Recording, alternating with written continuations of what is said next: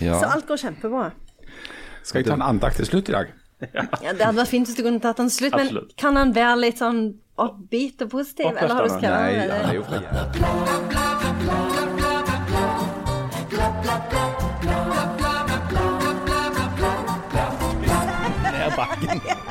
Så det er jo valget mellom himmel og helvete. Det er jo det det står om. Det er jo det det står om. Og så er det om det da er lyst eller mørkt. Da må du bare gå i deg sjøl Ja. og kjenne etter. Er du en kristen? Evig fortapelse. Er du frelst? Og de var frelste begge to.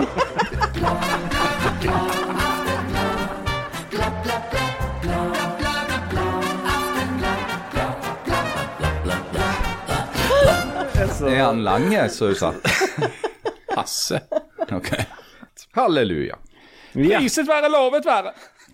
Hjertelig velkommen til Aftenbladet. Eh, der hørte du jo vår andaktsholder. Du er vel nærmest det på fulltid nå, Jan Sahl? Jeg eh, tok et brevkurs i dette med emissær. Eh, emissær eh, N- eh, 0N. Og så kan jeg da gå opp og så ta flere poeng i eh, emissær 2.0. Blir du sånn emissær med opprykk, da? Du kan bli emissær med opprykk, men det tar ganske lang tid. Og til slutt så blir du emissær emeritus. Ja, akkurat. Og da- når du blir til emissær emeritus, da må du ha frelst mange sjeler, og de var frelste begge to. Ok, men du, du, har, eh, du har faktisk forberedt litt andaktstoff til slutt nå. ikke Jeg har funnet det var så voldsomt god respons på, på, på, på mine andakter. Jeg- tenkte at, eh, at det Kanskje vi skal ha det som en sånn, et fast innslag, tenkte jeg. Ja, det syns jeg er veldig fint. Det må jo være veldig bittert for deg, Janne, dette som faktisk er en profesjonell andaktsholder, å bli på en måte til de grader liksom padle forbi av, av en hedning ut ifra fra eh, byggefelt på Bryne. Ja, jeg registrerer at internt i podkasten så er det Jan dere foretrekker som andagsholder. Så, men jeg, jeg, jeg ble oppringt av NRK eh, før helga. Så spurte om jeg ville lage nye jeg for de. Ja, skal du lage nye? Ja. Okay. I desember. Der ser du. Du, er, er det kanskje nå For det, at nå, eh, vi må på en Nå gikk du veldig kjapt videre. lese brev som henger Ja, okay. sammen med disse tingene. Ja. uh, for det, vi, vi får jo en del post, og det aller meste er vi utrolig langt bakpå med. Det skal vi komme tilbake til. Men så er vi, så er vi ett som er delvis aktuelt. Vi har fått et brev til, som refererer nok litt til forrige uke. Der det står på baksida 'fortsatt sint brev'. Å, herregud. Er det mer av dette? Ja, For de som ikke måtte huske det, så fikk vi et sint brev eh, med veldig eh, sånn abrupt høyremarg eh, sist. Eh, så da leste jeg opp det som var masse sånn sint kritikk og sånt, men jeg, jeg kunne ikke lese det, så bare Det var jo først og fremst kritikk av deg og meg. Ja, ja, ja, som vanlig. Ikke de to av de Nei, kristne nei, slapp jo unna. Og så må man bare si det at det, det, som skjedde, var jo at det mangla en del ord i ene kanten av brevet, sånn at det ble d- Kritikken var ikke fullendt. Nei, det var, det var en veldig sånn, det var en sånn avkorta eh, kritikk grunn av, av, av, av veldig dårlig kompetanse på dette med å sette mark. Så, så printeren hadde printa ut sånn at det mangler noe helt på slutten. Men det ble jo veldig interessant sånn rent litterært. Ja, det gjorde det, det. Det det hadde jo litt sånn, sånn dadaistiske islettere. Ja, ja, ja. Det har jo blitt et innslag på Kapittelfestivalen det- Ja. Men, men nå er det sånn at, at, vi, altså, at dette sinte mennesket, som jo er anonymt, da, som sinte mennesker stort sett er, er jo fremdeles sinte, da. eh, Av en eller annen merkelig grunn, etter at jeg leste opp eh, brevet sånn det sto. Så nå har det kommet et eh, brev til, som altså da fortsatt er sint. Eh, og nå har vedkommende eh, plassert all skrifta midt i midten, Oh, ja, det var som et dikt. Klok av skade. Ja. Ja. Så da eh, bare for, vet du, Jeg gidder ikke lese alt, men jeg kan lese på en måte hovedpunktet Men her. er det et dikt, eller er det Ja, det, nå skal, nå skal okay, vi lese. Okay. Nå skal vi lese. Dette, det er jo et dikt. Det ser ut som et dikt. Ja, jeg Hvis det ser ut som et dikt, så er det et Ja, dikt. det, det, derom strides de lærde, vil jeg si. Men Ja. OK. Ja, jeg er lærd, og jeg Du er ikke blant lærde nå, Jan. OK, jeg leser fra toppen. Jeg er lærd. Helvetes printer. For sikkerhets skyld må jeg nå bare skrive i midten av arket, så jeg ikke risikerer nok en gang at Jan Zahl ødelegger hovedpoengene til fordel for humoristiske eskapader i hersketeknikkens forunderlige verden. Nei, Jan Zahl, dette er ikke et dikt, og skal ikke leses som et dikt. Men ja, enig, det var et slett arbeid, det med printeren. Pokkers printer. Så til poenget verken Sal eller Birkevold gadd å respondere på. Og jeg tror jeg stopper det, for det, Nei! resten, for det, jo, for resten er bare en gjentakelse av det han, han, han skrev sist. Ja, Hva var det egentlig kritikken gikk på? Jeg, det noe Jeg får så hersketeknikk og er harselering og mobbing og litt sånn forskjellige ting. Men, hvem er det vi skal ha mobba? Det er meg og Janne. nei, det. det er Janne det er Janne vi mobber, visstnok. Hvorfor det? Vi må, vi, ja, OK, vi jobber kanskje litt mobbing. Jeg skal lese videre da, hvis dere krever det, men det er jo kjedelig, da. Nå, er- nå begynner det å bli skikkelig sånn Så kjedelig. begynner du Kjedelig dikt. polim... Hva det heter Polemisere. Les litt. I, i, i diktform, selvsagt. Jeg vil ha svar på om du, Janne, blir skuffet og såret av at kollegene dine ikke gidder å bruke tolv minutter av livene sine på faktisk å lytte til noe som faktisk kunne gjort dem til mer opplyste mennesker. Måten de raljerte over dine andakter var faktisk mobbing. Det var ikke snertende humor, det var ikke lettbent erting, det var ufint, det var ukollegialt. Det er liksom svakt på, på rim, vil jeg si. Ja, men det er jo tydeligvis et Det er fri, fri form på et ja, vis. free verse, Ja, free som vi kaller ja. det. Jeg vil du skal stå opp for deg selv. Janne, altså det er linjeskift Ja, før Janne, ja, ja. ikke det er litt svakt? det er enjambment. Ja. Jeg vil, sånn du deg, lese. ja, jeg vil du skal stå opp for deg selv, Janne. Om jeg tar helt feil i mine konklusjoner, så er det opp til deg, Janne. Å ja, det er den sangen. Ja, visst. Det er i utgangspunktet problematisk at Aftenbladet er sammensatt av tre menn og en kvinne. I parentes, jeg er i utgangspunktet mot kjønnskvotering, men kanskje dere bør ha med en kvinne til? Parentes slutt. Og enda mer problematisk er det når Zahl og Birkevold behandler kvinnen med rene hersketeknikker og mobbing. Hva? Ja, jeg er enig. Jeg er alltid på din side. Ja, det er jeg helt enig i òg. Ja, altså, for det mener jeg, sant, det er sånn eh, eh, tolkningsfeil. For Harald er veldig ofte på min side, og eh, det er sjelden du, Jan. ja, ja. Ja. Og, og det er jo for å få en slags balanse her. Så hold meg ute av dette ja, mobbeproblematikken. det er nummeret før eh, Ja. det, det er nummeret før dere problemet, men la oss, la oss kalle det problemet ved dets rette navn. Jan Sahl? Ja, Ok. Jan Sahl. Problemet har et navn. La oss si det høyt. Jan Zahl. Jeg er bare en slags ballast for at vi skal ende opp i null her. For det er, i og med at Janne og Harald kommer snart til å bli gift hvis vi ikke passer på her, så må vi ha litt må, både meg og Harald er jo praktisk talt gift fra før. Men kan jo ikke drive Praktisk talt gift fra før. Skal vi gå i dybden Du er jo ikke gift, Harald, er du det? Nei, nei, du er forlovet. forlovet. Ja, ja. Føler du at du står opp for deg sjøl nå, Janne? Jeg er fremdeles litt sånn prega av at jeg ble sammenlignet med Peter eh, forrige uke. Hæ?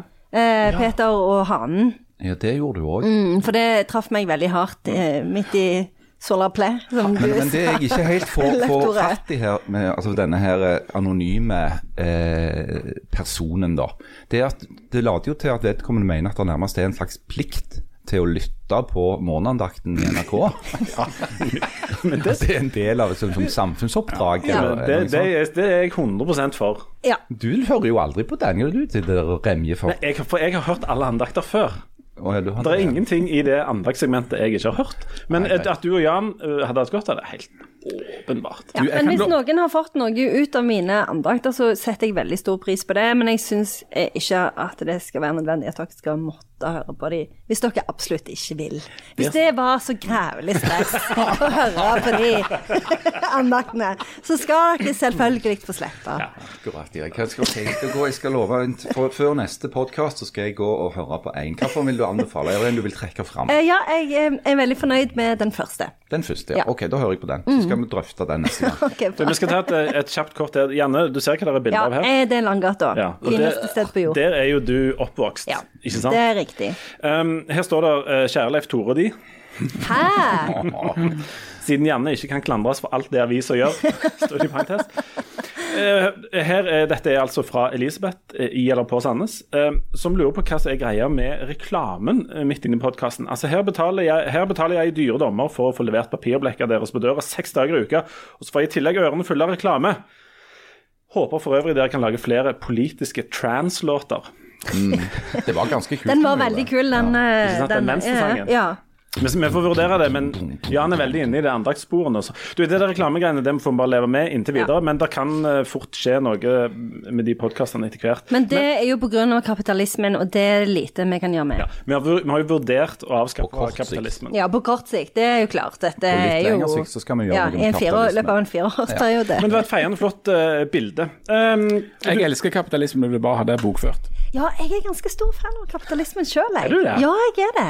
hva er det du liker best med kapitalismen? Jeg syns at det, det fungerer jo ganske Altså, kapitalismen kommer jo omtrent Du samtidig ser som deg om i verden demokratiet. I 2021, og så tenker du dette fungerer ganske bra? Ja, du mye, sier? nei, jeg sier, jeg, nei, jeg sier jo ikke det, men uh, mye av det som fungerer dårlig, er jo grunnet i imperialisme, og imperialisme og kapitalisme er jo litt det samme, men Henger ikke helt det samme. som egg og bacon. Mens ok, jeg du- hater kapitalisme. Mens du, men- Harald, du, Harald, du ser deg rundt i Norge og tenker dette fungerer virkelig ikke. Nå er vi helt på stupet. Dette er full kollaps. Jeg er helt uenig med OECD, med FN, med absolutt alle er- kåringer. Det, det er et så billig retorisk poeng at jeg ikke gidder å svare på det engang. Fordi at du ikke har noe godt svar. Da var du avslørt. Det var topp stemning. Tull og tøys. Nå ble jeg veldig Hvorfor konkluderte du med at det var toppstemning? Utrolig dårlig logikk fra Jan der. du, bare- Nå Og må jeg har ikke noe svar, så du bare sier noe annet. skal, vi avskaffe, skal vi avskaffe kapitalismen i løpet av denne sendingen, eller skal vi ikke? Apropos ikke det der med men- mobbing. Sånn. meg. Å. Ja, ja. eh, dette, eh, nå ble det mye mobbing internt her, men det, det lever vi jo fint med. Også, Dette mobbebegrepet ble dukket jo selvfølgelig òg opp i eh, det som har vært vel den siste ukas store sak. Ja. Eh, nemlig at eh, på lørdag så måtte Kjell Ingolf Ropstad trekke seg eh, som barne- og familieminister og som leder av Kristelig Folkeparti etter at Aftenposten avslørte at han har ja, hva, hva slags begrep er det han bruker? Tatt noen eh, s- snarvei eller gjort noen justeringer i eh, skatten, sånn at han har sluppet billigere unna enn- det han egentlig burde? Ja, vi si det sånn? Jo, det, det syns jeg var godt sagt. Jeg Ja. Eh, Han har gjort noen uheldige vurderinger, og, og vel så det. Ikke Ja, men han har, jeg syns uheldig, for han har jo gjort det med vilje. Så han, han har jo Men eh, det uheldige ligger i at han ble avslørt. Ja ja, det, ok, det er greit. Er det ikke, men, men er det ikke sånn med, med de fleste at de vil forsøke å uh, betale så lite skatt som de kan innenfor lovens rammer? Jo. Snakk for deg sjøl. Jeg elsker å betale skatt. Du, du, du heier på kapitalismen. Du Ja, men, Ja, men det er jo det som er del av poenget. kapitalismen er jo at du skal betale skatt. Ja, ja. Ja. Ok. Du skal, det skal lønne seg å tjene penger, så Ja, skal du betale skatt av det. dem. Det er jo topp stemning, det. Men etter, Det er topp stemning. Det er, altså, ikke- det er topp stemning når du betaler skatt. Ingenting lager så god stemning som når du betaler skatt. Nei, men det, altså, tingen her er at det er jo Å manøvrere i sånne skatteregler det kan jo være komplisert med noen hver, for noen hver. Eh, og i all slags regler som finnes det, og i kontakt med det offentlige og sånn som dette er.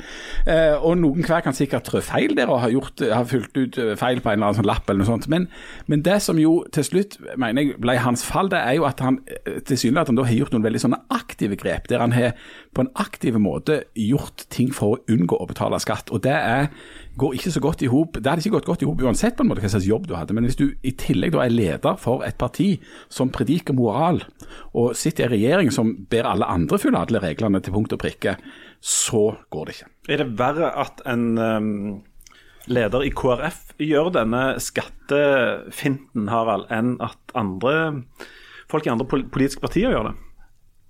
Ja, Der prøver jeg på en måte å ha to tanker i hodet på samme tid. Altså, Lykke til. Det er jo Ja, det er jo på en måte det. Men hvorfor det? samtidig- Ja, for det at det er bare sånn den menneskelige psykologien fungerer, tror jeg. Altså, Jo mer heil og rein du prøver å framstå, og moralsk, jo, jo, jo dypere blir jo fallet da, når du blir kanskje tatt med, med buksene nede. Men samtidig så, så syns jeg jo det er litt dumt at uh, en skal ha en egen moralsk standard for noen og en annen for, for andre. Eh, de- reglene skal jo være de samme selvfølgelig for alle som sitter på Stortinget. Eh, og jeg syns jo den retningen denne saken har tatt nå, begynner å bli mer kan du si, pr prinsipielt interessante enn de som går på sånn enkeltsaker. Har Ropstad drevet seg ut? Ja, han har vel det. Måtte gå av, sikkert helt riktig beslutning. Men nå er det jo en diskusjon f.eks. med riksrevisoren, som klager på at han ikke får det innsynet i Stortinget sine ordninger som han egentlig skulle ønske. Og det er et verre etterlatt inntrykk enn at enkeltpersoner kan trå feil. For hvis det er noe systemaktig ved dette, at Stortinget sitter der og hegner om privilegier og ordninger som de ikke ønsker å gi eh, riksrevisoren, altså vår representant for å se at staten og det offentlige bruker penger på en ordentlig måte, innsyn i dette her, så lukter det litt verre, syns jeg. For det er vel akkurat eh, det som Norge har vært litt sånn forskånet for, hvis vi sammenligner oss med andre land, at, at politikerne blir oppfatta som en sånn privilegert elite kjempeelite som ligger langt, langt vekke og liksom ordner seg til. og det er en trussel. fordi at det er jo noe av det flotte med Norge, det er dette med den tilliten som eksisterer jevnt over mellom borgere og mellom borgere og myndigheter. Det er en veldig veldig bra kvalitet med Norge. Og en sånn sak som dette her slår jo en liten sånn kile inn i den idyllen, da. Og så her er det kanskje Det gir ammunisjon til mange som mener at det er noe muffens. Og, Jeg mener å huske at, at utgangspunktet for at Aftenposten altså En journalist i Aftenposten begynte å, å interessere seg for reiseregninger og for bilag og for ting og tang som hadde foregått på Stortinget, var at eh, sjefredaktør Trine Eilertsen hadde stått på et morgenmøte og referert til noen sånne skandaleaktige ting borte i Sverige, der de, politikere hadde blitt avslørt. Og så hadde hun sagt at ja, men sånn har vi det heldigvis ikke i Norge. Eh, så det var utgangspunktet. Sjefredaktøren, som også har hovedfag i sammenlignet politikk, selvsagt. Ja. Um, uh, liksom, mener at nei, i Norge der, der er det ikke sånn, og så tenker en journalist hm, kan det stemme? Og så begynner de å undersøke det, og så kommer altså alt dette veltende fram. Ja, for jeg syns jo at det er noen ting som er litt sånn uklare med denne saken òg. Fordi når eh, eh, Erna Solberg hadde pressekonferanse, så kom det jo fram at han hadde spurt om det var greit, og så var det noen som hadde sagt at det, ja, det var greit. Så jeg syns det er litt sånn uklart hva slags tilbakemeldinger Altså, det han har gjort er jo galt, men det er uklart hva slags tilbakemeldinger han har fått internt på Stortinget. Men dere to, Janne og Leif Thorseth, er enormt kristne og i kontakt med Gud og Jesus, Helligånd og hele norske kristenlivet. Det kommer mer sinte brev nå, Jan, når du holder på sånn. I know. Um, si noe om hvordan, det på en måte fra sånn kristenhold blir oppfattet. For dette, liksom, Det er mye sånn kommentariat og, og folk som sitter rundt omkring Anse Sakersgate og, og, og kommenterer dette. Men sånn internt ifra kristenlivet så var det sånn at den første dagen så eller første, første avsløringen rett i forkant av valgkampen, så virka det som om Ropstad fikk en slags sympati om at nå var liksom media ute etter han. Og så begynte det å krakelere litt når, når denne saken kom, men liksom det holdt en liten stund, og så begynte det virkelig å krakelere. Altså, hvordan tenker på en måte kristenlivet om, om, om moral og sammenheng, og, og sammenhengen mellom eh, politikk og mammon, og kristendom og mammon, og eh, gud vet? Ja, altså jeg, jeg kan jo Det er jo farlig å f.eks. se ut vinduet hjemme og tro at verden er sånn som det ser ut der, eller sjekke sin egen Facebook-feed og tro at det, det er sånn verden er. Men ut ifra det som jeg har sett, så er det på altså halvparten av min Facebook-feed eh, roper 'burn the witch', og liksom jeg, jeg, har allerede satt på gassgrillen for å få liksom fritert denne mørke mannen, endelig. Mens resten er, er inne i et, sånn et litt sånn eh, tilgivelsesspor, og, og nå må vi liksom ta det rolig og huske at det er bare en mann som har gjort en feil, og liksom sånn. Um, men jeg, syns jo at det er, jeg synes jo kunne merke at det er litt sånn um, et lite ekstra lag med sånn agg når det kommer til en Kristelig Folkeparti-politiker. Så jeg jeg det er et interessant spørsmål om det er rettferdig eller fortjent eller ikke. For eh, KrF vil jo være, og er, sånn et verdiparti som snakker veldig høyt om den type saker. Og skal liksom verne om de svake og de som ikke har noen andre, og om et sett med sånne holdninger og verdier. Og når de sjøl blir tatt, eller lederen deres blir tatt i Norge som er som liksom kan være ulovlig altså Det ligger liksom, i hvert fall i den der gråsonen. Altså han har, han har tilegna seg en fordel som han nok bare burde latt være å prøve å få. Eh, så er det en vanskelig sak. Men at det er litt sånn eh, At de eh, slutter fortet litt rundt sin egen, det er det ingen tvil om. Det er jo et, nærmest et påbud i kristen etikk om tilgivelse, Janne. Ja, det er jo det, men, men tilgivelse er jo noe annet enn Altså, eh, det, det går jo an å tilgi Ropstad hvis han eh, har, har gjort noe galt, men det som jeg syns var provoserende, og det sa jeg eh, forrige uke òg, at det, jeg syns det var provoserende eh, den retorikken han brukte. Som var liksom sånn Det der med eh, jeg, jeg skjønner at folk reagerer på systemet, fordi jeg syns at eh, han burde eh, sagt unnskyld og beklaget det han hadde gjort eh, i utgangspunktet. Så jeg, det er mest det jeg reagerer på, men jeg òg syns eh, Eller sånn som jeg eh, oppfatter sosiale medier, så er det jo sånn som Leif Tore sier, at det er ganske delt. Det er en del spesielt forfattere som er veldig sinte. Og så er det en del eh, KrF-ere som er veldig sånn Ja, men alle hadde gjort samme-aktig. Danne litt sånn ring rundt eh, Ropstad. Men nå har han jo gått, altså. Ja, jeg, led, jeg er en av de som leser Vårt Land en god del. Og, og Bjørn Bore, som er sjefredaktør der, har jo, har jo prøvd å, å predike dette med at, som du sier nå, at det går an å fordømme handlingen eh, isolert sett som altså et brudd på reglene, samtidig som du er oppmerksom på at det er et menneske her, og at, hun skal kunne tilgi og huske at det er en familie inne i bildet osv. Alle de tingene er jo jeg egentlig helt enig i. vi må huske at Ropstad er bare et menneske, og at han har en familie, kone og unger, som selvfølgelig helt uforskyldt er blitt, eh, blitt en del av dette. Men, men, men, men samtidig så er det jo sånn at eh, om du er aldri så mye tilgitt og, og kristelig, liksom, så når du tar et sånt tillitsverv, som tross alt en sånn stortingsrepresentant er, så innebærer jo det at du må for det første så må du ta på en måte, Jeg mener du bør ta ut litt sånn ekstra eh, altså Hvis du er i tvil om noe er rett eller galt, så bør du i alle fall være veldig nøye med det. Og så eh, er, det, er jo sånne ting nødt til å ha konsekvenser. altså Uansett hvem du er. Eller, eller sånn, hvis du har et sånn tillitsverv og gjør noe som bryter den tilliten, så må du jo, da, da må du jo gå. Det, og det handler ikke om tilgivelse, men det handler om at du ikke kan i, i, ha den posisjonen du hadde. For Det er jo noen sånne formelle kan du si, regler, formelle og uformelle regler, så som gjelder det der med, med tillit. Eh, det var jo, og- det sa jo Ropstad òg ganske greit sjøl. På den fredagen, når han fortsatt mente at han ikke trengte å gå av, eh, så sa han jo det at eh, tillit er ikke noe du kan kreve. Tillit, er noe du får av noen andre. Du kan sjøl definere at du har tillit. Eh, og det var vel det som skjedde i overgangen mellom den fredagen og lørdagen. At eh, saken fikk en ny vending. Eh, det ble òg kjent at eh, saken hadde blitt oversendt politiet. For da er han på en måte en formell etterforskning, sant? det er en av dette. her. Og at det da i sum gjorde at han sjøl òg innså, da, eller fikk på en måte tilbakemeldinger som gjorde at han måtte trekke den konklusjonen at nå, hvis jeg nå fortsetter å nekte å gå, så vil den tilliten ikke være der lenger. Og da ville kanskje til og med Erna Solberg vært nødt, så hans sjef i regjeringen, til å gjøre noe. Men så er spørsmålet hva, altså, hva du har gjort og hvor alvorlig det er. For når du s- si at eh, hvis en har gjort noe for, som kan bryte den tilliten, så må du på en måte ut. Men spørsmålet er hvor, hvor gale det er du har gjort. Det er jo en, en gradsforskjell. sant? Altså Han gikk jo, eh, merk deg, ikke av etter den første uh, avsløringa om, om uh, gutterommet. Og det er jo også sånn at vi kan ikke forvente, mener jeg, av lederne eh, av verken av politiske partier eller stortingsrepresentanter eller av oss selv at vi skal være totalt ufeilbarlige. Vi er dømt til å gjøre feil. Til og med jeg husker jeg har gjort en feil en gang. Nei.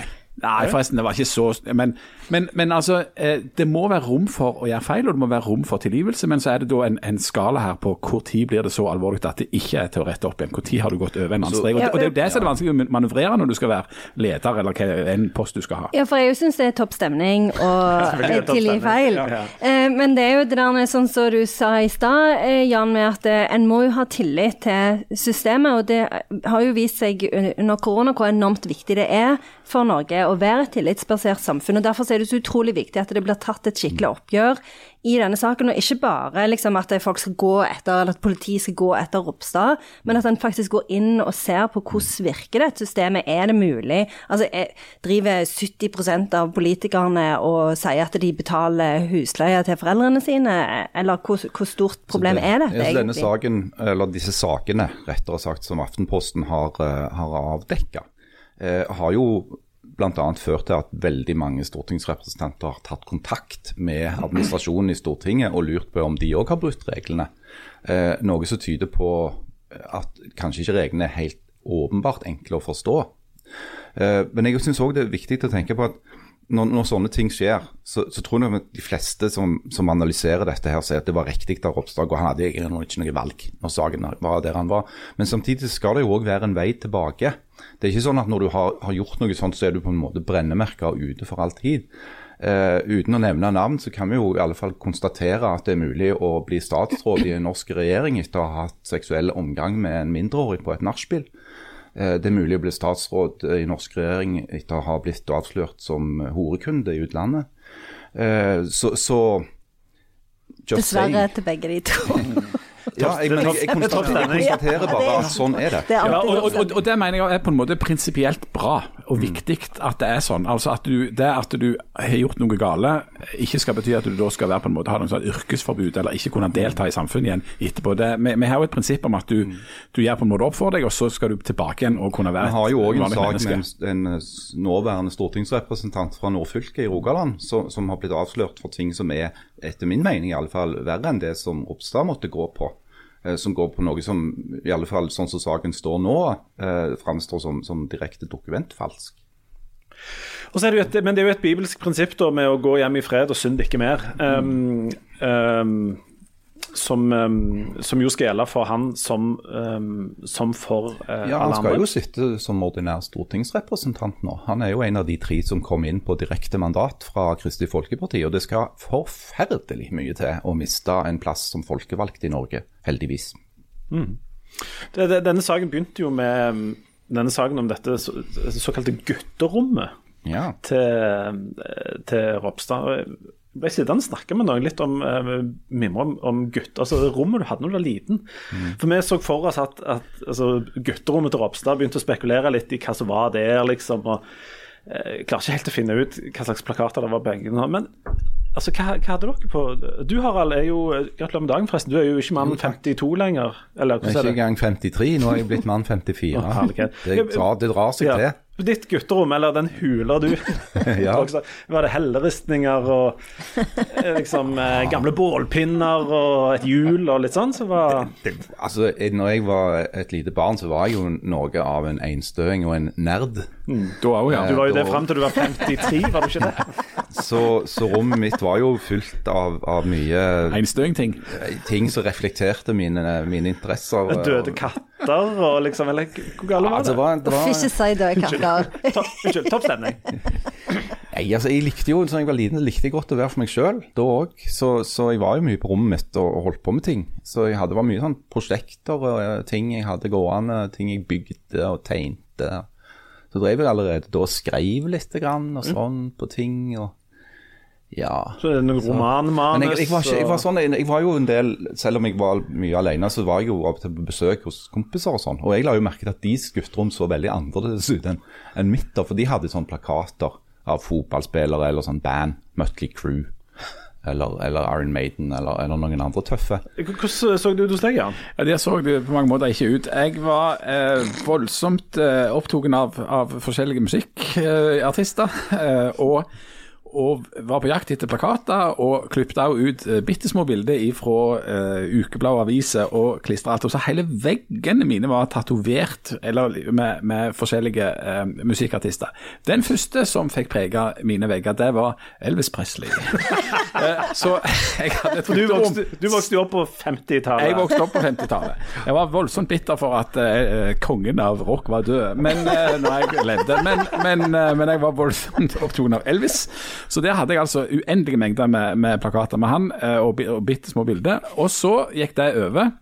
Eh, Og jeg vokste opp og fikk liksom endelig god smak og, og liksom ble et ekte menneske. Så da fylte jeg opp veggene med plakater av Kiss. Men det er jo, og de er jo òg kongen av rock. De er jo kongen av rock. på litt annen måte. Men Janne, da, hvordan så det ut hjemme hos deg? På, Eh, nei, jeg òg hadde mye på ditt gutterom? Ja, på mitt gutterom så hadde jeg mye plakater. Eh, husker jeg jo at de fineste var jo de som var i Bravo. Eh, de styggeste var de som var i Topp. Jeg jeg er fremdeles bitter på at Topp bare hadde stygge plakater. De aller styggeste bildene lagde de om til plakater. Oh. Men ut Bravo har ikke jeg hørt om Det er jo en sånn tysk blad. Oh, ja. Litt problematisk. De hadde ofte sånn litt sånn sexting. Harald, Det var noen og, helt eh, andre tyske blader. Ja. Harald var mye alene, så han hadde Ja. andre tyske blader. Ja. Men men jeg, når jeg flytta ut, så hadde jeg tre plakater på veggen. Det var eh, Room of the View, som var min favorittfilm. New Order. Eh, og eh, Alien 3. Alien 3. Altså, Ja, ok. der har du kombinasjon. Jeg mener Men du, må, du må ikke unndra deg, eh, Leif Tore. Du, hvordan så det ut på ditt Ja. gutterom? Jeg hadde jo um, Stort kors. stort kors. Stort kors som jeg korsfester meg sjøl med og pisker meg sjøl på kveldene. Hvorfor ikke si det? Nei da. Unnskyld. topp. Flagellerte ja. Nei, hos, uh, hos meg så var det Det var fotball det gikk i. Oh, ja. Um, og det var jo denne, denne stadige jakten etter disse plakatene. Ja, det var jo kjempevanskelig. Vi var på sånne bruktbuer rundt omkring og sånt, og, og abonner, klarte i perioder å lure foreldrene våre til å abonnere på sånne fotballblader og sånt. Og jeg, husker den første Altså, disse plakatene ble jo målt etter Altså, en enerplakat, det var ei A4. Mm. ja, sånn, ja. Og når jeg fikk min første, så var liksom 16 av Roberto Baggio. ja. Med den herlige mullet-frisyren. Ja, da, tenk, da, da tenkte jeg at jeg tror kanskje ikke livet blir særlig mye bedre enn dette. Og det ble det jo for så vidt heller ikke. Men det var mø veldig mye fotballplakater.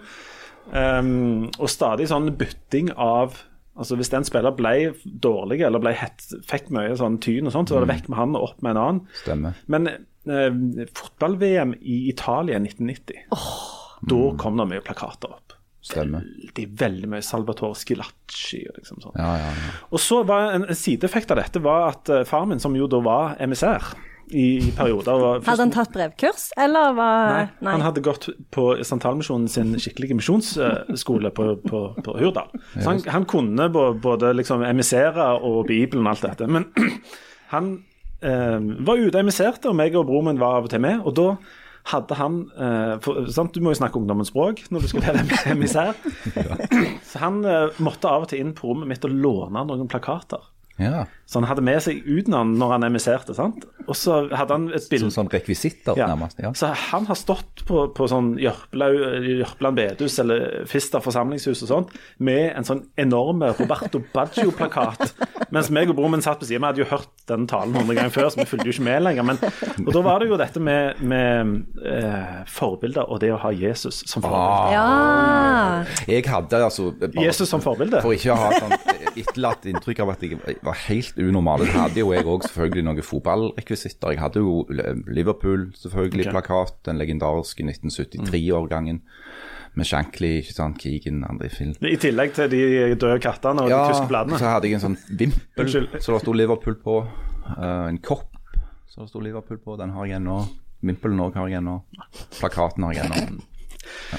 Det er flott. Du, Vi må ta en eh, kjapp liten pause, så er vi snart tilbake. Da skal vi bl.a. sette opp eh, vår drømmeregjering veld, i veldig fri form. Skal du beklage at det kommer reklame? Ja, skal jeg beklage Ja. at det kommer reklame. Og så eh, Hvorfor skal- det? Vi, vi lever jo av inntekter. Det er hyggelig å Det er ingen som betaler for å høre på dette, så noen må jo betale. Det må være reklamen. Hvis dere begynner å sende oss eh, hundrelapper i posten, så skal vi, så skal vi se om vi kan bli God kvitt idé. reklamen. Men Nei, Send oss penger. Ja. Vips, helst vips, for jeg jeg klarer ikke å forholde meg til Nei, du har så mye penger. vippse det direkte til Janne. Vi tar en eh, kjapp pause, og så er vi øyeblikk tilbake.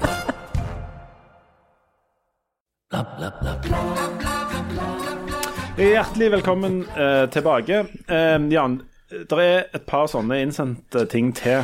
Nå Å Jan nei, er det mer folk som er sinte? Vi er, vi er jo langt, voldsomt langt bak på disse postkortene. Det beklager Hvor lenge, de mange uker har du hatt med de kortene? Ja, det er ganske mange Ja. uker. Så vi må bare ta sånn For at eh, vi vil jo at folk skal sende inn, og da forstår vi jo at de vil at vi skal lese det opp om en kjempelenge etterpå. Skriv litt kort. Ja, eh, her er det Her er det enda mer kritikk, da. Ja, ja. Til Harald og de. Harald, dette kortet er mest til deg. Å nei. De to siste episodene av Aftenbladet har vært rene bibeltimene. Utrolig kjedelig. Det passer godt å ta det i denne, denne episoden. Vi vet jo ikke hvilke to episoder det dreier seg om. Det er jo ikke min feil at det, det, er jeg jo ikke jeg som holder på med de bibelgreiene. Ja, Jeg har en mistanke om hva slags episoder det dreier seg om. ok. Jeg som alltid har ledd og kost meg mens jeg har hørt på dere, har kun ledd én gang på de to siste episodene. Og det var da du sa, Harald, slutt med det der kristengnålet. Jeg er helt enig med deg. Hold fast på det du står for, Harald. Linde og Drangsholt, please prediker og snakk om Jesus og de i andre fora.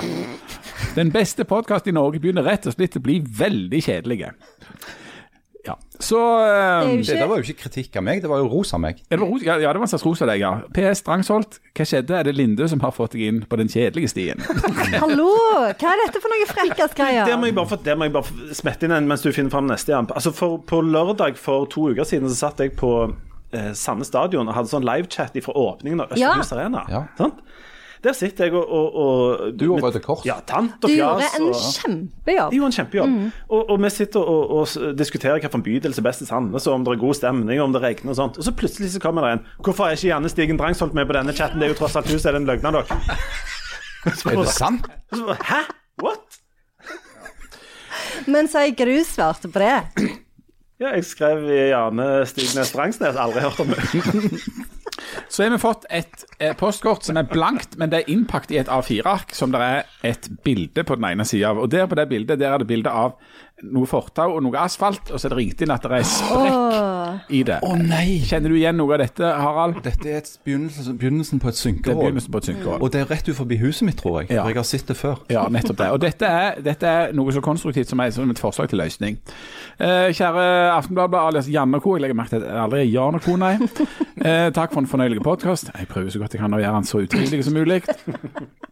Det er jo topp stemning. Topp stemning. Jeg vil gjerne presentere et forslag til løsning på et problem en av dere sliter med. På en av mine halvukelige turer rundt Mosvannet tidligere i sommer snufla jeg bokstavelig talt over noe merkelig i Haralds nabolag. I prinsippet er det det motsatte av et synkehull. Jeg foreslår at vi kaller det en hevehump. Jeg, som ikke er geolog på noen som helst måte, tenker at en hevehump kan ha en av to forklaringer. En, mye rar aktivitet i jordskorpa i området Eiganes-Våland generelt. Eller to, Overskuddsmaterialet fra Haralds synkehull har presset seg opp av jorda. Herregud, det er jo det som er forklaringen. Ja, Hvis forklaring to er korrekt, så kan Harald bare hoppe hardt på hevehumpen. Så vil synkehold i hagen sprette tilbake til flat hage. Håper det virker. Helsen ikke geolog. Det var utrolig konstruktiv Veldig konstruktiv. eh, Veldig, veldig bra konstruktivt innspill. Og jeg, skal, jeg kan love her og nå at jeg skal og hoppe. gå og hoppe på hevehumpen. Eh, det kan jo til og med bli et innslag i sosiale medier. Ja, Ja. det kan fort bli det. Ja, så ja. Kanskje du kan få med deg noen òg? Mann hopper på hevehumpen. Ja. Mann 54 hopper på heverhump. Jeg hadde sitte om igjen om igjen. om igjen. Det er klart, dette, dette, kan vi, dette kan vi legge på TikTok. Og så syns jeg heverhump var et veldig bra var eh, navn på fenomenet. Kjempebra. Du, nå, nå sitter der um, en gjeng med politikere og skal og driver med såkalte sonderinger for å prøve å stable en ny regjering på på eh, fote. Um, Harald, kan ikke du bare veldig kort og eh, helt på alvor fortelle litt om, um, om hva som skjer i akkurat denne perioden? For nå har vi en regjering som egentlig ikke skal være regjering mer, og så venter vi på en ny. Uh, og det vil si at vi er inne i en litt sånn spesiell situasjon akkurat nå i Norge. Ja. Eh, Det som skjer nå, det er jo at Erna Solbergs regjering jobber videre eh, med å på en måte drive dette lille landet vårt. da. Men de gjør ikke noe særlig. Jo, de gjør sånn de, de, dette og hint. Eh, De holder jo på. Men, men det som ligger i kortet, det er at når du har en sånn, eh, et forretningsministerium eh, som på en måte bare skal holde det gående fram til den nye regjeringen kan tiltre, så er det litt begrensninger på hva de kan De kan ikke liksom fleske til med nye lovforslag og herje på sånn som regjeringer normalt gjør når de har en vanlig arbeidsdag. Så det er liksom å trøle vannet litt, vente. Eh, Så, og Det som har skjedd nå eh, på den eh, fløyen som da skal prøve å danne en ny regjering, det er jo at Jonas Gahr Støre har hatt sånn én-til-én-samtaler med de to partiene som han ønsker å danne regjering med. Altså lederne der, Trygve Slagsvold Vedum fra Senterpartiet og Audun Lysbakken fra, fra SV. I tillegg har han òg hatt samtaler med Rødt-leder Bjørnar Moxnes og med Une Bastholm fra MDG. Og så har de da, de tre partiene, Arbeiderpartiet, SV og Senterpartiet, har blitt enige om at de samtalene var såpass positive at de nå kan gå inn i en ny fase som kalles sonderinger. Sonderinger er ikke det samme som forhandlinger. Da skal det, men det er litt, sånn litt mer forhandlinger. Da skal de på en måte gå enda inn på, mer inn på de uh, områdene hvor det kanskje er uenighet. Uh, hvor de skal, er nødt til å finne liksom, kompromisser og, og bli enige om hva de skal være uenige om. Uh, hvis de sonderingene er positive, så vil de da sette seg ned på Hurdalssjøen hotell og forhandle. Og forhandlingene, det er alvor. Fordi at det de blir enige om i de forhandlingene, det skal skrives ned i et dokument som heter en regjeringsplattform. Som vi nå har eh, i, i Norge. sant? Først hadde vi Jeløya-plattformen og Sundvolden eller et eller annet sånt. Eh, Dette vil da bli Hurdalssjøen-plattformen. Det er en kontrakt, egentlig, der de skriver unna på at dette er vår politikk de neste fire åra. Så det er et veldig alvorlig og bindende dokument for de partiene som deltar i regjeringen. Hvis de da finner ut at de vil bryte med noen av de punktene, så må de ut av regjeringen. Så hvis vi ser for oss en, en eh, amorøs kveld som ender opp i full befruktning, så er vi nå på det stadiet der vi har sendt ungene til farmor og farfar, og så Ja, venter vi på at uh... Støre har begynt å lirke med BH-stroppen. Ja. Jeg er ikke ikke- han hovedfag i sammenlignende han er ikke politikk, av ennå. han er ikke av ennå. Nei, han er ikke det. Ok, Vi har jo ikke tid til å vente på disse folka, og vi eh, full av selvtillit tror vi kan sette på ei bedre regjering sjøl, og der har jeg tatt et slags hovedansvar for å Så komme bra. med forslag. Um, så jeg, jeg skal nå komme med mitt, og så får dere protestere i den grad der er protester, eller komme med bedre forslag. Um, jeg mener at som statsminister um, Janne Stigen Dragsvold. Hæ, nei! veldig bra. Det, Nei. det, det, jeg toppstemning. Topp. Det er toppstemning. Og begrunnelsen er at jeg har ekstremt lyst til å se deg stående i litt sånn hutrende ut forbi et palass i Moskva med, put, med sånn handshake med Putin, mens du tenker på at du egentlig skulle ha vært på fotballtrening på Sandnes, eller et eller annet FAU-møte, eller sånn.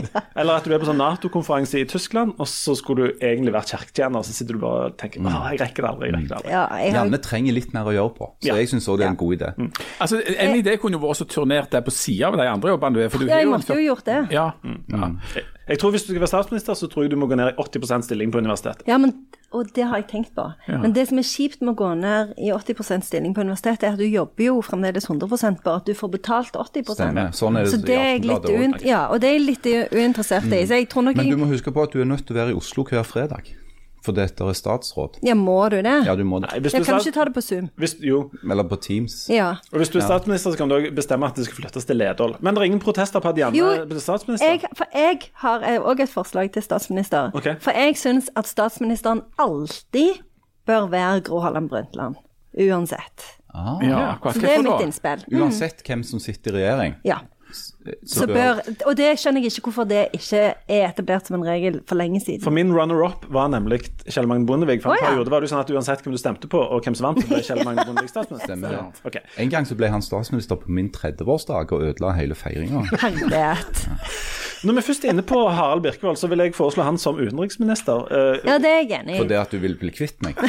Det var punkt nummer én. Det hadde vært veldig greit hvis du var en del mer i utlandet. Den andre tingen er at du kan veldig mange flagg og hovedsteder, som Ja. jo er vel det viktigste. Det kan jeg faktisk. Ja, og den- Spør meg om hva som er hovedstaden i Burkina Faso. Det vet Er det Ouagadougou? Ja, det er det! Ok, det var ikke så veldig Hva er hovedstaden i Malawi? Nei, det, det er ingen som bryr seg. Lilongwe. Ok, det er greit. Jeg òg syns det var en kjempegod idé. Men det, tredje, det tredje argumentet er at du, du, er vel, du uttrykker deg alltid så veldig diplomatisk Mm. og mildt. Det er sant. Hvor mye krig hadde det blitt hvis Harald Birkvold hadde blitt utenriksminister? utenriksminister? Ingenting fordi at utenriksministeren hadde vært på sånne hytter i Suldal sånn at de ikke hadde tid til å drive med krig. Jeg har jo ikke engang mobildekning på huset. Sånn at diplomatiet hadde jo vært i de beste hender. Ja, men det er ingen protester på det? Nei. Nei. Um, eh, finansminister, der vil jeg i all ydmykhet foreslå meg sjøl. Ja, God idé. Fordi at eh, da kunne vi fått testa den der hypotesen om at Norge egentlig går av seg sjøl. Og at det er ingen som verken kan gjøre det særlig bedre eller ødelegge det. Altså, For med min elendige økonomiske sans, så kunne vi fått sjekka den hypotesen. Absolutt. Det har hadde du- vært en sånn stresstest på det norske økonomiske Ja. systemet. Pluss at du er ganske flink også å sjekke ting raskt på Google. Og det tror jeg er en veldig fordel. Det må, når du, er- gjøre, det må du faktisk kunne hvis du skal være Ja. finansminister. Og jeg har funnet ut at du kan regne prosent i Google bare med skrevet sånn What is 25% av 35 og sånn. Er det Ja. sant? Ja. Og så skal du ha det at du, du kan være ganske underholdende mm. framfor en mikrofon. sånn at liksom Framlegging av statsbudsjett og, og forskjellige sånne poster som ingen forstår seg likevel, det kunne du sikkert framført med glimt i hadde jo øyet. blitt det en tror jeg seermagnet. Ja. Ja, ja, det hadde vært topp stemning på i Finansdepartementet. Revidert nasjonalbudsjett hadde ja. blitt det nye Nytt på nytt. Ja, ja, ja. ja, ja. Jeg tar den jobben. Um, nå kjenner jeg gleder meg litt. OK, ok, veldig bra. Uh, uh, kulturminister Jan Sahl. Det sier nesten seg. Ja, det var, sier seg selv. det er nesten litt kjedelig. Ja, det er nesten litt kjedelig. Men det er, eh, der Jeg er jo allerede kulturminister. Nemlig. dere er god grunn. Du er den eneste i Norge som egentlig kan noe om kulturpolitikk Ja. og interesserer deg for det. Eh, og Dessuten kan du spille både gitar og piano og synge andre stemmer på nesten hva som helst. Så jeg mener at du er den eneste i denne regjeringen som er overkvalifisert. Jeg er enig, for, og Jan har jo alltid rett på det der eh, fredagspanelet i P2, Ja. eh, og det setter jeg veldig pris på. Og så er han jo helt inhabil, for han kjenner jo eh, ingen kunstnere, er ikke gift med noen, eller ikke bror til noen eller noen ting. Så han er jo han er helt sånn fristilt fra alt det der med Helt sånn bindinger og sånn. Og så kan han, og så kan han endelig få, få gjennomført den der eh, hans våte drøm, nemlig å si til folk Nei, du får ikke støtte. Nei, du får ikke støtte. Nei, har jeg sagt. Ja. Ok, um, Jeg har kommet til kunnskaps- og integreringsminister, og nå lurer dere vel. Ja, det gjør vi. Nå lurer vi. Lykke Linde. Å ja. Hun er 13, eh, og hun kan alt. Vet alt. Mye bedre enn absolutt alle andre. Eh, dessuten så driver hun for øyeblikket og integrerer ca. hele klassen sin på ungdomsskolen oppe på rommet sitt hver dag ifra de slutter skolen til klokka ti. Og det er jo veldig utrolig bra posisjon å ha for en kunnskaps- og integreringsminister som da kan instruere finansministeren nærmest fra time til time Ja, om hva hun trenger Ja. av tilskudd og, og sånt. Ja. Så det er veldig bra. Veldig bra. Jeg, jeg håper Jonas Gahr Støre sitter og notere meg. Ja, si bare det sånn. dette sender vi jo bare Ja. etterpå. Um, og så har jeg en no-brainer her, og det er justis- og beredskapsminister. Der mener jeg at vi bare setter opp ei liste over de fem-seks stykker i Frp som ikke har hatt den posten, og så bare lar vi de rullere. Så bare, at det bare går på omgang der. Ja, fordi at Ellers tror jeg det kan bli surt i Frp på sikt. At eh, det blir sånn Ja, der sitter de to som ikke har vært justisminister på, på fester og sånt. Roy Steffensen bør jo få lov å prøve seg, syns Absolutt. jeg. Han kan ta uke 39, og så Ja. kan noen andre ta uke 40, f.eks. Ja, Terje Halleland kan ta uke 40, og, Ja. og det, halve 41, for da er det høstferie. og Da er det litt rolig. Det er sant. Um, eh, Jeg, jeg hadde jo Nesbø på den. Jo Nesbø. Ja. Spennende. For han har jo studert Han kan jus. veldig mye om krim. Ja, for han er veldig i beredskap hele tida. Hva studerte du? Jeg trodde han var finansanalytiker. Nei, før det, han har, han har jo gjort alt. Han er jo et renessansemenneske. Ja, nesten. Ja, Mm. ja. Så, men han kan være en god nummer to. Ja. Ja. Og kanskje ikke han har studert jus, forresten. Kanskje det bare han er som har gjort det. Ja, han er han er jo jus. økonom, men jeg trodde han hadde studert Men du trenger også. ikke være jurist for å være justisminister. Nei, men jeg tror jo- eh, Jo eh, Nesbø kunne sikkert vært eh, minister i mange Ja. Å, departement, ja, ja, men ja, ja. blant annet det. Han kunne skrevet skikkelig spennende sånne juridiske betenkninger. Ja, han hadde vært en god makker kanskje til Leif Tore på noen av de pressekonferansene. Jeg har et, et litt kontroversielt forslag på det barne- og familieminister. Jaha. Josef Fritzl Fritz Nei, Nei, hva er dette her? Nå blir det sinte brød. Ta det tilbake med jeg en tar det tilbake med en gang. Ikke topp stemning, faktisk, å foreslå sånn. Nei, Josef Stahl Nei da. Herlig! Unnskyld. Jeg. Unnskyld. unnskyld. Eh, eh, min barne- og familieminister er Wenche Kontor. En gang til? Hæ? Wenche Kontor. Wenche er Kontor i Solborg barnehage. Hun må ikke forveksles med vanlig Wenche, for vanlig Wenche jobber ute, mens Wenche Kontor er på kontoret. sant? Å, ja, sånn, ja. Derfor heter Wenche Kontor. Ja, ja. Hva, hva slags minister var Er dette? dette vanskelig for dere? Nei. Nei, det, det går fint. Barn og familie. Oh, ja. Fordi at eh, Jeg har aldri sett et menneske ha så stålkontroll på eh, ting som har med unger å gjøre, som uh, Kontor. Ikke et problem i løpet av de 600 årene vi hadde unger i barnehage. Stålkontroll. Jeg kjenner ikke til denne Wenche-kontoret, men det høres Det bra ut for meg. det høres veldig greit mm. Det eneste jeg er bekymra for, er at noen forveksler med vanlig Wenche, som jo jobber ute i barnehage. Ja, men Du sier jo Wenche-kontor, så Ja. det, er jo ganske tydelig Wenche hvem det er snakk om. blant venner. OK. Um, jeg er kommet til helse- og omsorgsminister. Nå skal jeg nesten si noe. Nei, du kan ikke foreslå sånne. du får ikke lov å foreslå noe Nei, det er greit. Det er ingen i denne regjeringen som har sånn lydtette kjellere, f.eks. Så ikke. Ikke snakk mer om Josef Fritzl, for da går jeg. For det er Helse- og, helse- og omsorgsminister, det hadde jeg egentlig foreslått å, å foreslå mor mi. Vet du hva, jeg har helt sona ut nå. Hva var det du sa for noe? Jeg sa at helse- og omsorgsminister hadde jeg tenkt å foreslå mor mi, men jeg forstår at jeg kanskje ansetter alle i min egen. Hva er det, er det noe galt med nepotisme nå? Ja. Nei, den, eh, Jeg syns mor di passer godt der. men den posisjonen går altså til Bente i HR-avdelingen i Aftenbladet. For det, Ja, hun ja, er det verdens beste å bestille Ja. kake til gode Ja. anledninger. Det er viktig. Og det er den viktigste omsorgen du trenger. Så tenkte jeg, Bente på HR. Ja. Ut fra det. Og så- for jeg tenker at helse det blir opp til den enkelte. ja, det gjør jo egentlig Mens vi får omsorg fra Wenche. Din kropp, Med ditt ansvar. Noen- Ingen protester på den, sant? Nei, nei, absolutt ikke. Eh, arbeids- og sosialminister. Ja. Der har jeg eh, rett og slett satt opp en politiker. Å ja. Dette er veldig spesielt, Ja. men det foreslår jeg Mimir Kristiansson.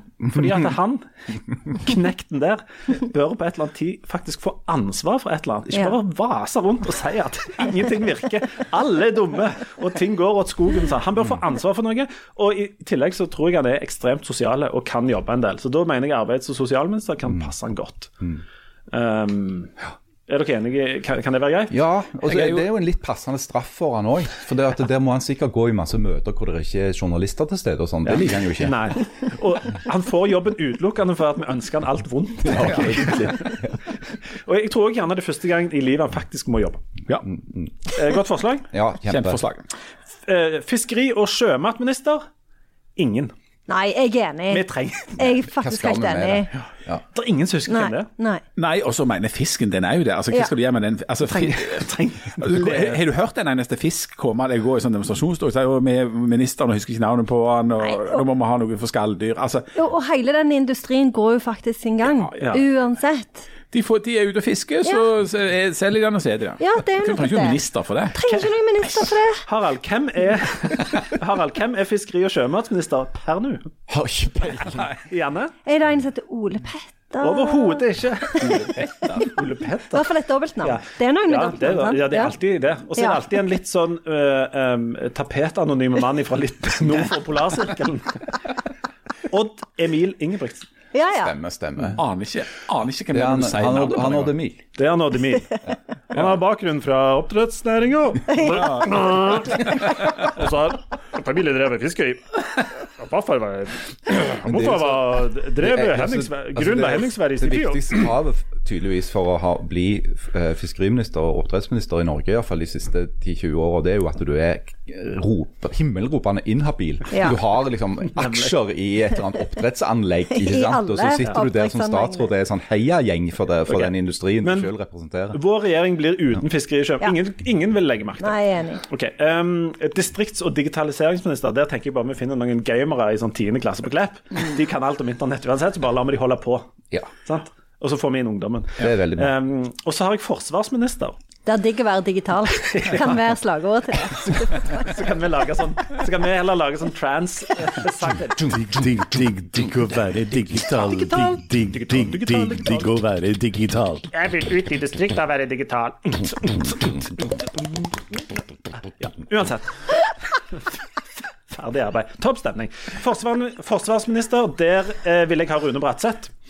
Ja, han er mot Rune Bratseth. Ja, OK. Hva Men var hva samtidig skulle så være? var- syns jeg det var? er veldig rart. Forsvarsminister. Det Ja, er veldig ja. rart at du ikke, at du ikke peker på Brede Hangeland. Jeg tenkte på han òg, men uh, han er så god sånn kommentator på TV at jeg vil ha han der. Virgil van Dijk. Ja, det er litt problematisk å trekke inn folk fra Nederland i, i den norske regjeringen. det skjønner ikke jeg heller hvorfor. Okay. Altså, jeg syns godt vi kan ha noen utlendinger. Det, det, det er aldri noen utlendinger i regjeringen. Er ikke det egentlig ganske sånn rasistisk? Ok, Vi dropper de, så tar vi Hvem var det Virgil van Dijk? Virgil van Dijk som forsvarsminister, det kan jo ikke være et bedre valg. Er han en forsvarskjempe? Han er verdens beste midtstopper og spiller for Liverpool. Oh, ja. Nå er vi kommet til eh, og nå er det sexy time. eh, Kommunal- og moderniseringsminister. Nå kjenner jeg det begynner å bruse. Dette er ikke et fintenkt forslag. Hvem ser det nå? Ikke vær så vanskelig. Nei, Er det han eh, Nei, det er han fisker fiskeriministeren. det er han Odd Emil. Odd Emil Ingebrigtsen. Ja. Nei, det, det, det er broren hans. eh, han- Sven Kåre Ingebrigtsen. Nei, kommunal- og modernisering Gjert Ingebrigtsen burde blitt Han har jeg på tanken. Ja. Men kommunal og, og dette, som sagt, dette er ikke fintenkt. Men her har jeg tenkt Mette-Marit. Ja. For at- Mette-Marit, ja, for hun hun virker så veldig veldig takknemlig og syns det er spennende å besøke forskjellige kommuner i Norge. Og på vegne av kronprinsen syns det er spennende å Veldig, høre- veldig spennende. føre både korps og se den store steinen dere har her i Hastningsvågs kommune. Og det, se korpset spille i det regnværet. Det er veldig spennende og rørende Veldig, veldig, veldig spennende. Og jeg tror hun kunne gjort en figur med å bare reise rundt de forskjellige kommuner og på en måte anerkjent at de fantes. Også, og, og, og den gjengen trenger å jobbe litt for å få Ja, Der har jo jeg- kongehuset en fantastisk kompetanse. De kan reise hvor som helst, når som helst, og synes at det er litt spennende. ja, Spennende interessant. Men jeg så for Martha Louise fyller kanskje 50 i dag, Ja. nei? Eller gjør det? Ja. Ja. Eh, og jeg så en overskrift i morges om at jeg er vant til å arbeide nå. Så eh, hun kan Siste jo være døgnet da, eller? Ja, Antagelig. Nei, hun har jo jobbet mye, hun, med, Ja. med engleskole og Ja. avslagsgreier. Det- Det er jo et styr. Så det kunne jo vært et alternativ. Men jeg tenker også at Mette-Marit kan få litt glamour Ja, med denne det er regjeringen. For Ja. Ja. eh, der har vi kun deg, Janne. Og Ja. meg og Jan og Harald trekker jo det snittet så mye ned. Vi er Vi grå eminenser. Ja. Um, eh, næringsminister, der syns jeg kort og greit vi overlater det til de der Lund-folka som driver fornøyelsespark på enig. Ålgård. Hvis du kan drive fornøyelsespark på Ålgård, så kan du få hva som helst til Sviver hvor som helst. Faktisk. Altså fornøyelsespark på verdens minst fornøyelige plass. I- De er ikke engang på inni Ålgård, de er på andre sida av veien. Ja, pluss at de har er klart å få. Norges største russetreff Ja, der Det er jo det som holder de gående. Ja, men det er jo helt fantastisk Det bra, er ikke en det plass engang, det er et fjell. Ja, det er jo faktisk det. Og de to første åra de hadde der, så var det sprengfost året rundt. Ja, familien Lund som næringsminister. Ja. Eh, samferdselsminister, eh, der tar jeg veto. Martin Skanke. Uten tvil. Absolutt. Men er han levende? Det er jeg litt usikker på. Det, Leven. det må vi gjerne Ok, det må vi sjekke. ja. Men uh, hvis og men, så, Hvis så blir ikke så blir det Petter Solberg. Ja. Uh, landbruks- og matminister uh, Eivind Hellstrøm. Eh, forbud mot ketsjup, f.eks. Alle får åtte timers lunsjpause. Så det er en kjempeidé. Han går inn og rydder opp, rett og slett. Helst som rydder opp i, i hele hele ja. Kan vi leve med det? Ja. Ja, det er. Utviklingsminister, vi nærmer oss slutten nå. Der har Gjert Ingebrigtsen. Han har utvikla, eller eventuelt tvunget ungene sine til springe fortere enn alle i Afrika. Nei, har jeg sagt. Ja. Ja. Jeg tror ikke det blir noe av dette. Pluss vi trenger jo noen fra Sandnes. Pluss vi trenger noen fra Sandnes. Enda flere fra Sandnes. og det gjør òg at Janne har noen å sitte på med når hun Jeg må ha prøver å si det til han, han hører ikke på meg. Ja. Eh, og så tror jeg det er en veldig fin dynamikk med eh, Gjert Ingebrigtsen, Martin Skanke og Janne. Hvis Martin Skanke Det må vi gjerne. Martin Skanke han skal ut med en gang. Jeg skal ta en Cormac McCarthy i stedet. Han har jo skrevet bok som heter The Road. Han må jo være kompetent. Ja, kan han være minister? Ja. Han kan være minister. Hvem? Cormac kan være minister. Ja, det tenker jeg òg. Ja. OK, neste post. Vi må snart komme oss i mål. Men er det ingen damer i denne regjeringen? Jo, det Jo, det er du, og så kommer det et par til. Ja, ok. det kommer i hvert fall ei til. Ja, ok. um, olje- og energiminister, der var jeg helt blank, så jeg foreslår bare Marcus Martinus. For jeg, fordi at jeg tror de kunne hatt løye med sånn ja, for da kunne en av de vært olje, og den andre vært energi. Oh, Nemlig. ja. Og så kunne de tatt den der tvillingspøken sånn, Nei, det, det, er- det er ikke som Marcus, det er, det er Martinus. For det er veldig sånn løye når de bare bytter om. Og så kan, hvis én vil ha fri, så kan den andre ha begge rollene. ja. De har jo en ganske bra energi òg, så det er jo Ja. bra. Klima, seg selv. klima- og miljøminister er Greta Thunberg. Ja, Oi, det er med på. Ja, ja, ja. Det kommer Ja, litt løye. jeg er Og. Hun kommuniserer utelukkende gjennom sånne plakater og sånne sinte blikk. Rundt til de andre ministrene og sier sånn Shame on you. Ja. Ja. Nå dør vi! Peker på Marcus og Martinus i Olje- og energidepartementet med sånn 'Nå dør vi'-plakat. Sitter utenfor og rygger sånn rett ut forbi kontoret der. Martin Skanke sitter for å ruse bilen. Ja, det blir bra. Og Janne er hos Putin og får sånne sinte telefoner og tenker 'Jeg vil ikke mer', jeg vil ikke mer'. Hun skulle egentlig hatt veiledning, men så må hun gå på sånn statsbesøk.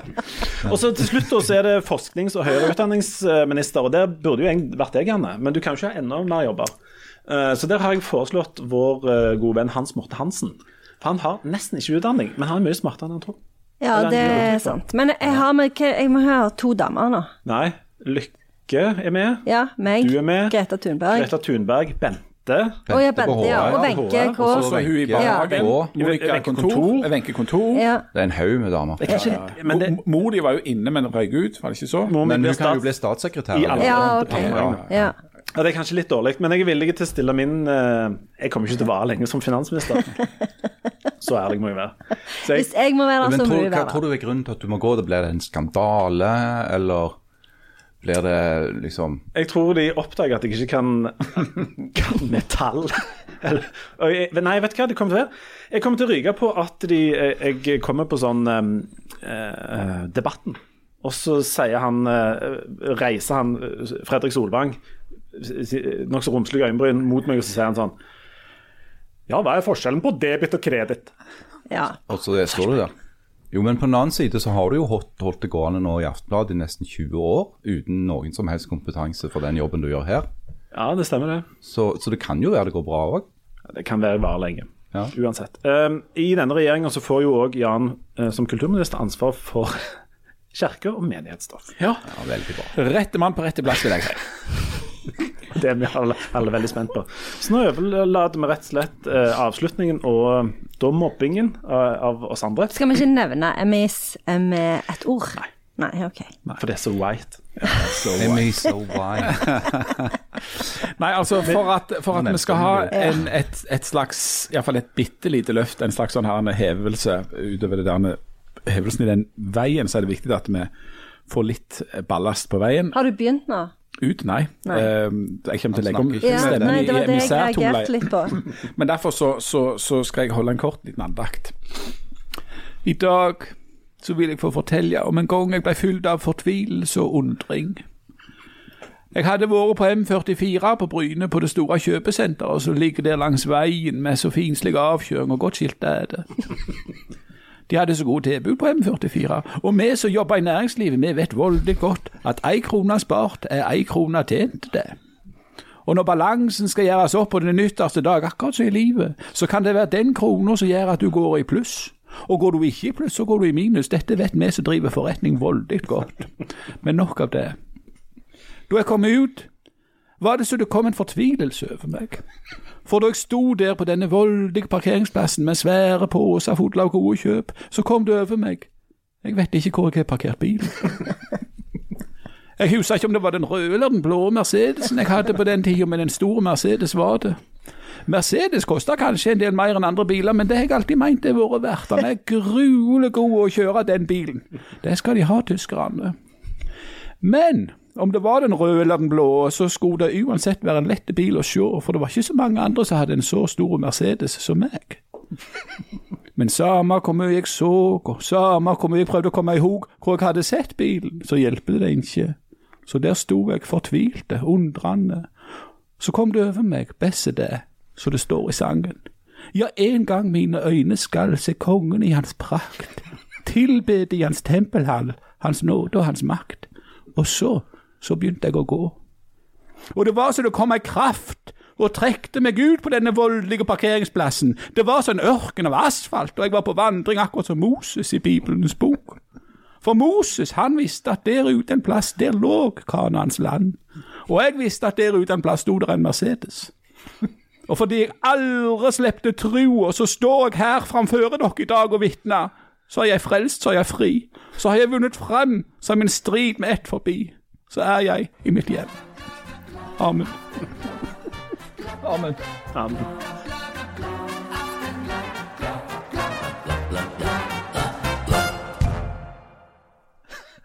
Moralen er Det, altså, du kan humre over dette, men det er faktisk ganske god andakt. Det er klart det er en god andakt, altså. Det er den første jeg har skrevet. Er det? Ja. Ja. Men fant, han, fant du bilen, eller hvordan? Det- Eller det, det var, Jeg, jeg jeg er her i dag, så jeg må jo ha kommet fram Ja, jo, jo. tilbake, eller heim. Hvis det var en god andakt. Åh, åh. Oi, dere ble målløse nå. Det var Ja, jeg ble litt målløs. Ja, jeg ble satt Jeg, jeg syns det er litt rart at det, at det var snakk om hjem når du var på en parkeringsplass, som Ja. jo er en såkalt non-space. Ja, ja. Så, men ellers syns jeg det var bra. Jeg er fullt av un- undring.